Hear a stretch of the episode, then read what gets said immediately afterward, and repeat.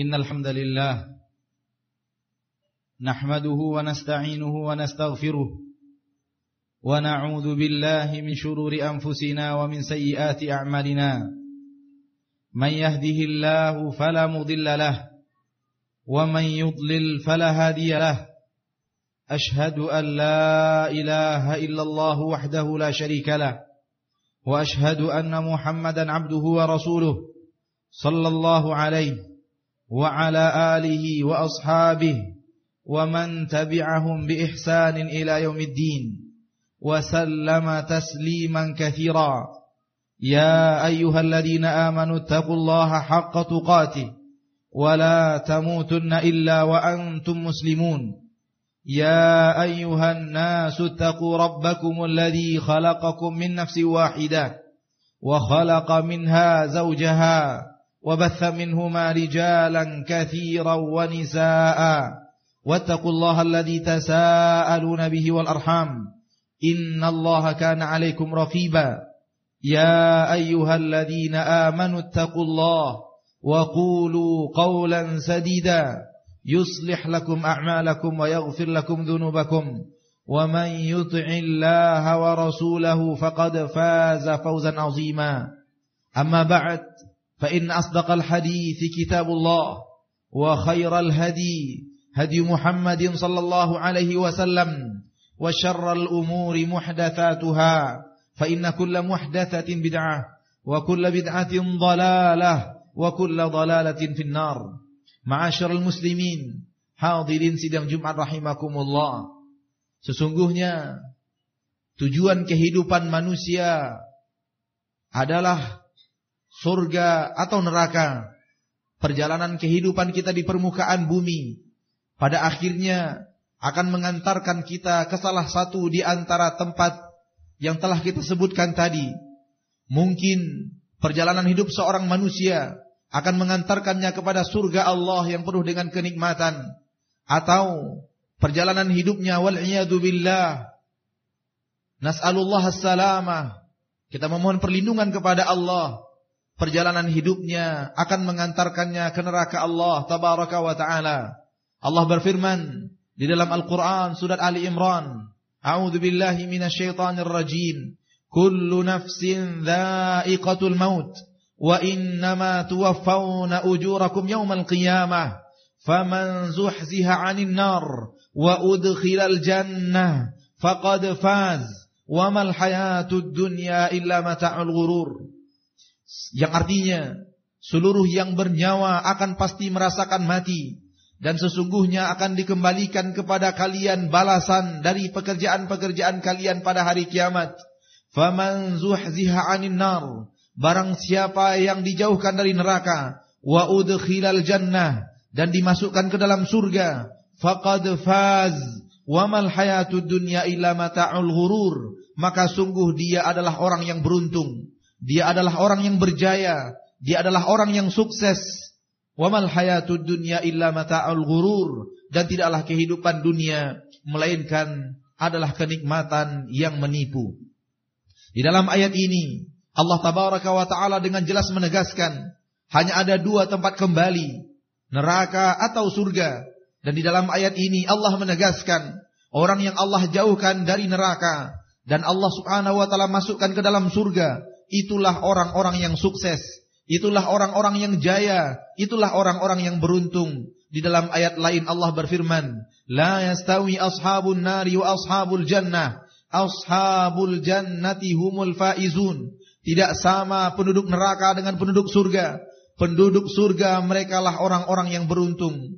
Ma'asyiral muslimin, target kehidupan kita di permukaan bumi, cita-cita seorang muslim yang tertinggi adalah masuk surga Allah tabaraka wa taala. Itulah cita-cita kita tertinggi. Itulah tujuan hidup kita. Untuk itulah kita berbuat. Untuk itulah kita beramal. Untuk kita itu itulah kita patuh dan taat kepada Allah tabaraka wa taala.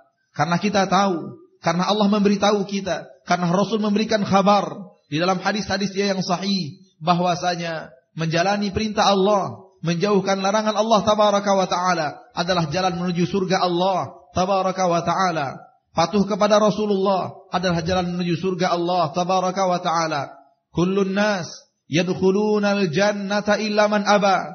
Semua manusia akan masuk surga kecuali orang-orang yang tidak mau masuk surga. Qila Wa man ya'ba ya Rasulullah? Bertanya para sahabat, siapa orang yang enggan masuk surga ya Rasulullah? Rasulullah SAW menjawab, Man ata'ani dakhalal jannah. Barang siapa yang patuh kepadaku, taat kepadaku, menjalankan perintah dan berhenti dari laranganku, maka ialah orang yang akan masuk surga. Wa man asani faqad aba. Barang siapa orang yang menyelisihiku, berbuat maksiat kepadaku, tidak patuh dan taat, maka dialah orang-orang yang enggan masuk surga. Ma'asyiral muslimin, gantungkan cita-cita kita tertinggi di surga Allah taala. Jangan sampai cita-cita kita hanya bergantung di dunia. Jangan sampai cita-cita kita hanya mentok di dalam kehidupan dunia. Sungguh kita melihat banyak kaum muslimin di zaman yang kita hidup di dalam dunia ini bersama mereka. Apabila kita bertanya tentang cita-citanya, sebagian mereka hanya ingin jadi presiden, Sebagian mereka hanya ingin jadi menteri. Sebagian mereka cita-cita mereka hanya ingin jadi dokter. Dan nyaris. Dan susah kita bertemu kaum muslimin secara mayoritas. Cita-cita mereka sampai ke surga Allah tabaraka ta'ala. Dan ini adalah sebuah sudut pandang yang singkat.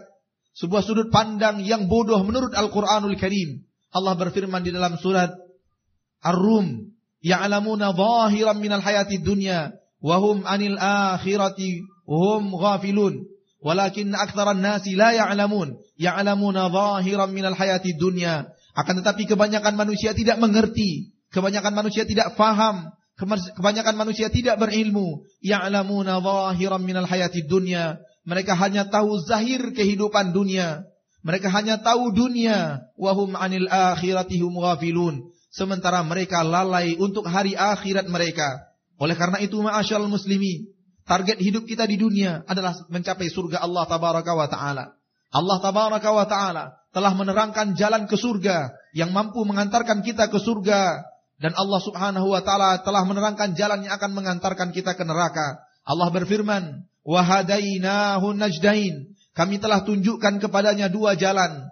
Para ulama ahli tafsir menerangkan tariqul ta'ah wa tariqul ma'siyah. Jalan menuju ketaatan dan jalan menuju maksiat. Jalan taat adalah jalan ke surga Allah dan jalan maksiat adalah jalan ke neraka Allah tabaraka wa taala. Oleh karena itu, ma'asyiral muslimin, dalam perjalanan kehidupan kita di permukaan bumi, haruslah kita senantiasa menjadikan perjalanan kita ini untuk mencapai target tersebut. Bagaimana hidup kita di permukaan bumi akan mengantarkan kita ke surga Allah tabaraka wa taala. Ma'asyiral muslimin, untuk itu, kita juga perlu tahu apa yang akan menghalangi langkah kita menuju surga Allah. Apa yang akan menghalangi langkah seorang manusia sampai ke surga Allah Rabbul Izzati wal Jalalah. Ketahuilah bahwa yang akan melangkah menghilangi atau menghalangi langkah seorang insan sampai ke surga Allah adalah dua dosa. Pertama dosa syirik, yang kedua dosa kufur. Dua dosa ini akan menghalang langkah seorang insan menuju surga Allah tabaraka wa taala. Pertama dosa kufur. Kufur artinya ingkar.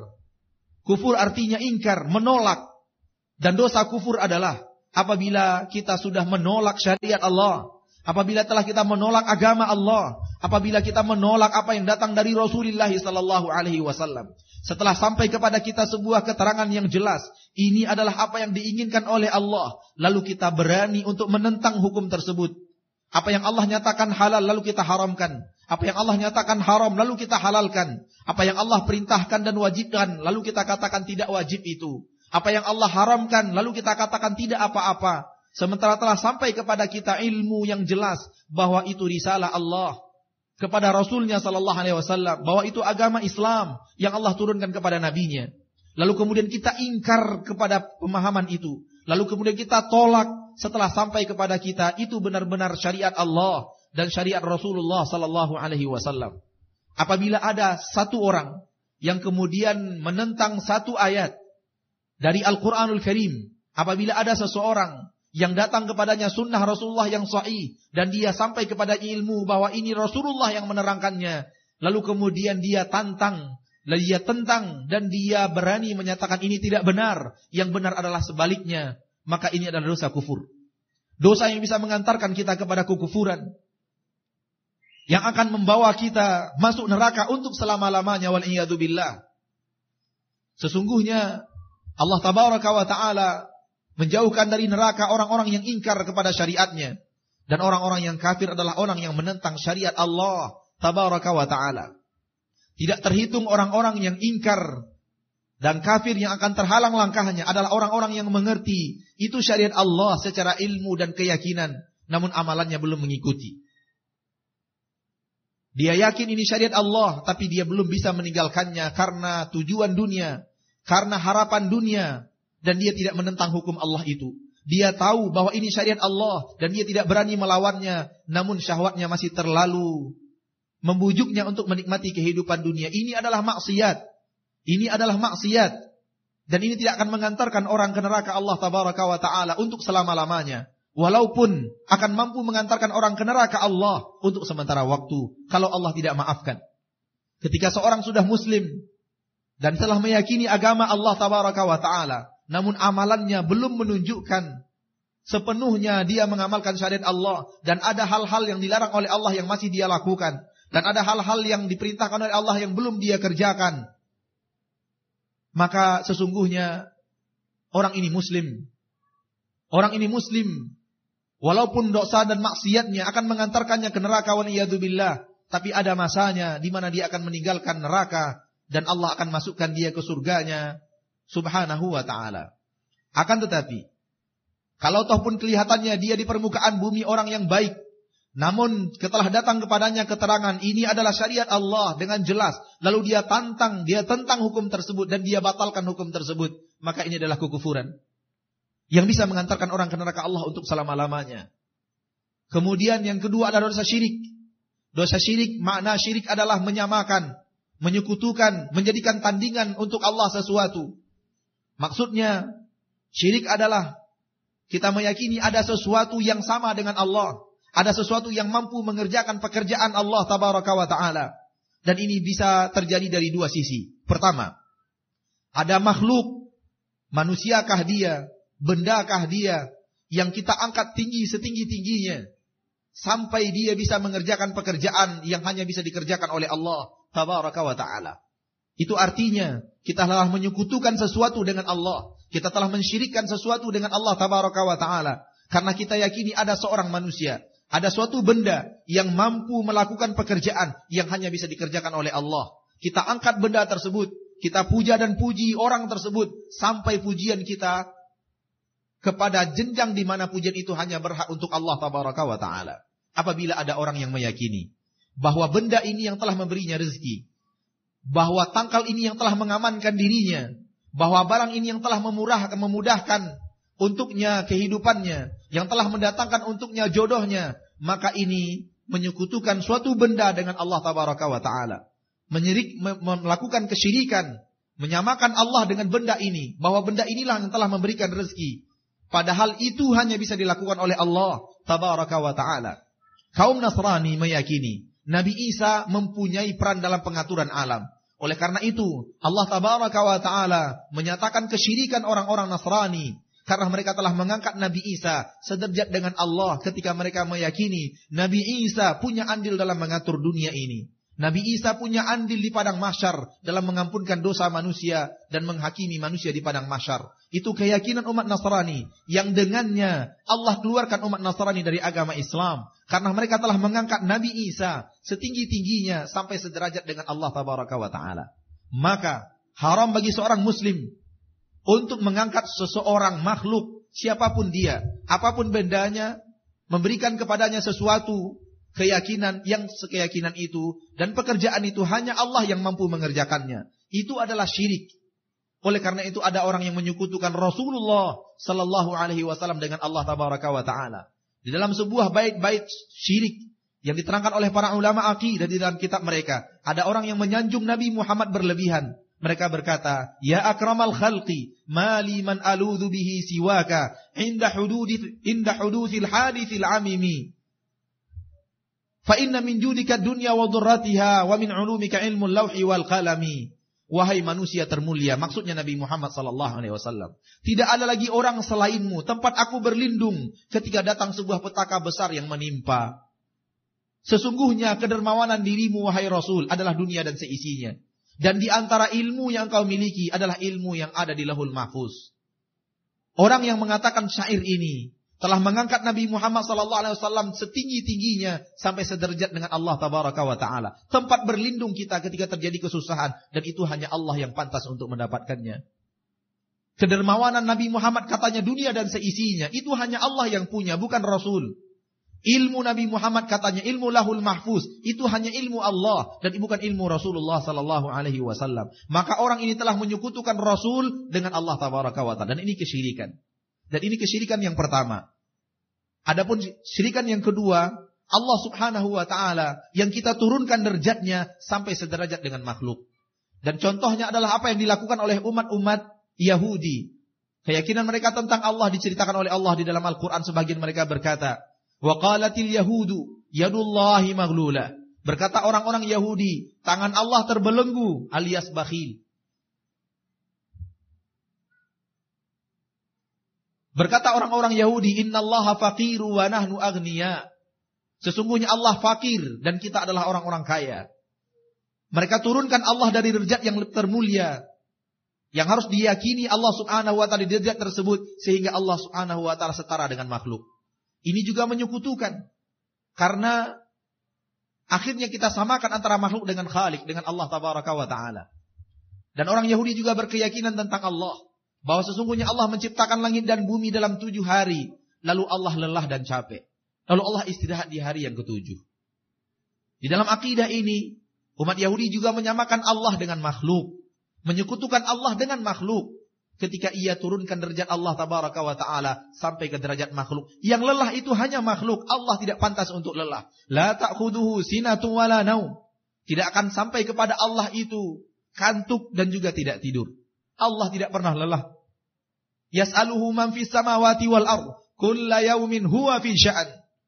Selalu meminta kepadanya. Seluruh yang ada di langit dan di bumi. Setiap hari Allah subhanahu wa ta'ala sibuk dengan urusannya. Allah tidak pernah mengenal lelah. Yang mengenal lelah itu makhluk. Ketika umat Yahudi mengatakan Allah lelah. Maka umat Yahudi telah menyamakan Allah dengan makhluk. Dan di, di antara dua kesyirikan ini. Walaupun kedua-duanya adalah syirik maka kesyirikan menurunkan menurunkan derajat Allah sehingga setara dengan makhluk lebih berbahaya daripada mengangkat seorang makhluk sampai sederajat dengan Allah tabaraka wa taala. Walaupun kedua-duanya syirik yang akan menghalangi langkah seorang insan masuk ke surga Allah tabaraka wa taala, namun syirik berjenjang, ada yang lebih parah dan lebih parah. Oleh karena itu kemarahan Allah, kemurkaan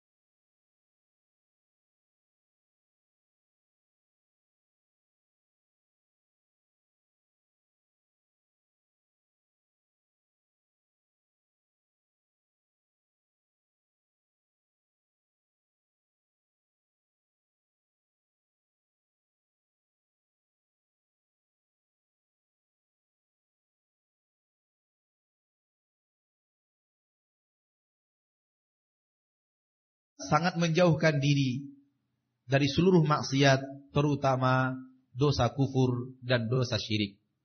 Allah tabaraka wa taala tidak akan mengampunkan untuk manusia apabila manusia sampai ke derajat ini. Allah berfirman, "Innallaha la yaghfiru ayyushraka bih wa yaghfiru ma duna dzalika liman yasha."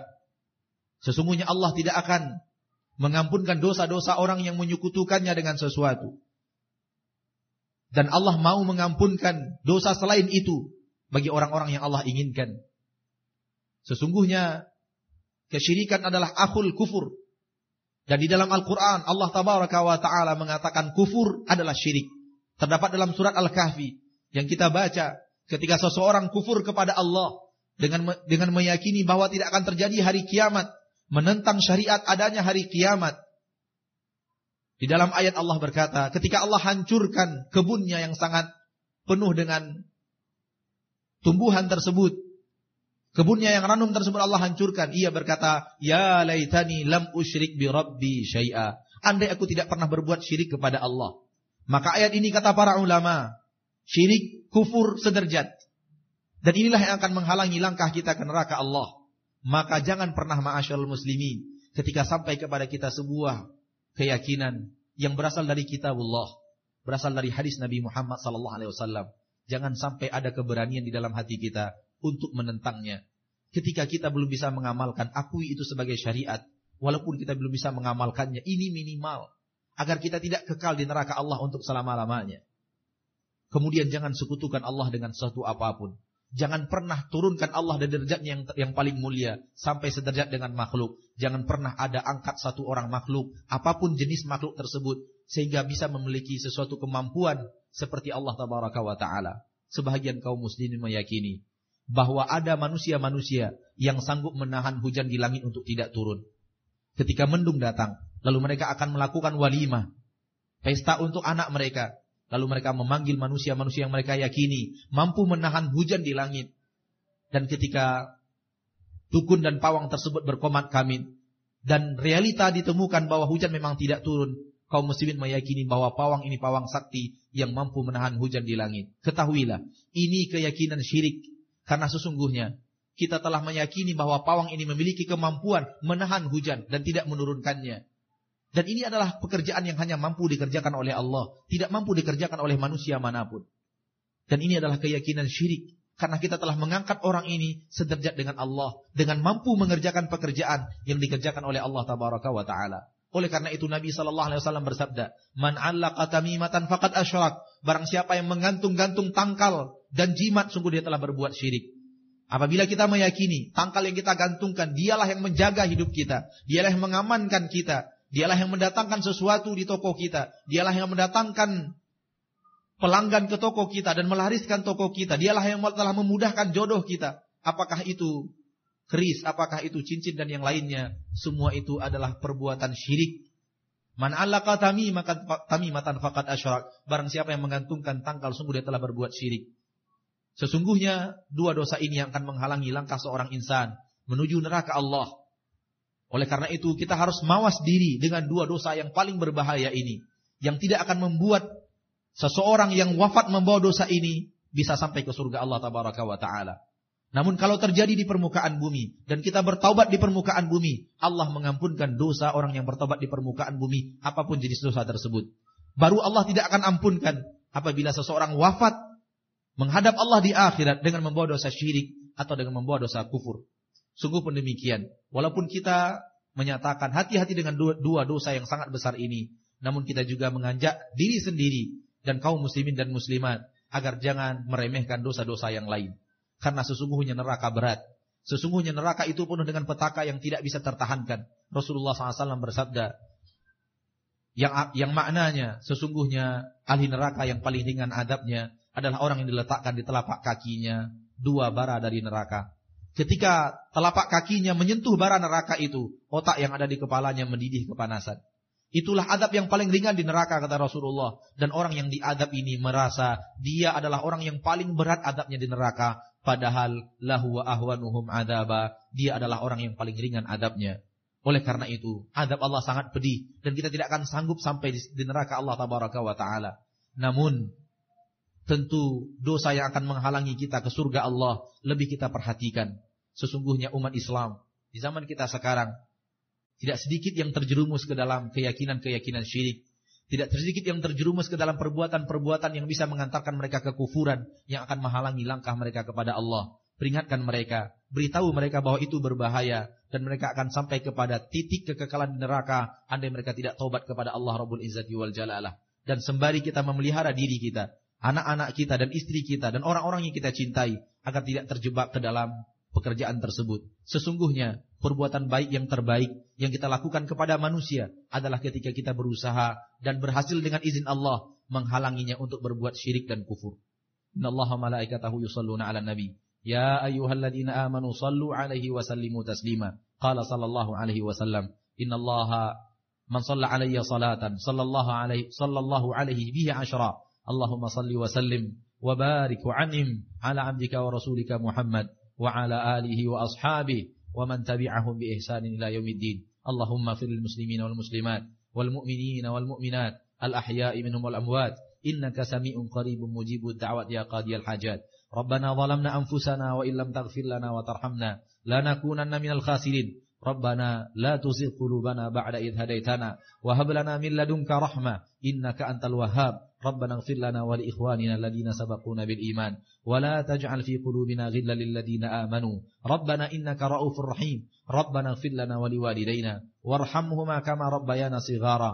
اللهم إنا نعوذ بك أن نشرك بك شيئا ونحن نعلم ونستغفرك مما لا نعلم. اللهم اهدنا فيمن هديت. اللهم اهدنا فيمن هديت. اللهم اهدنا سبل السلام.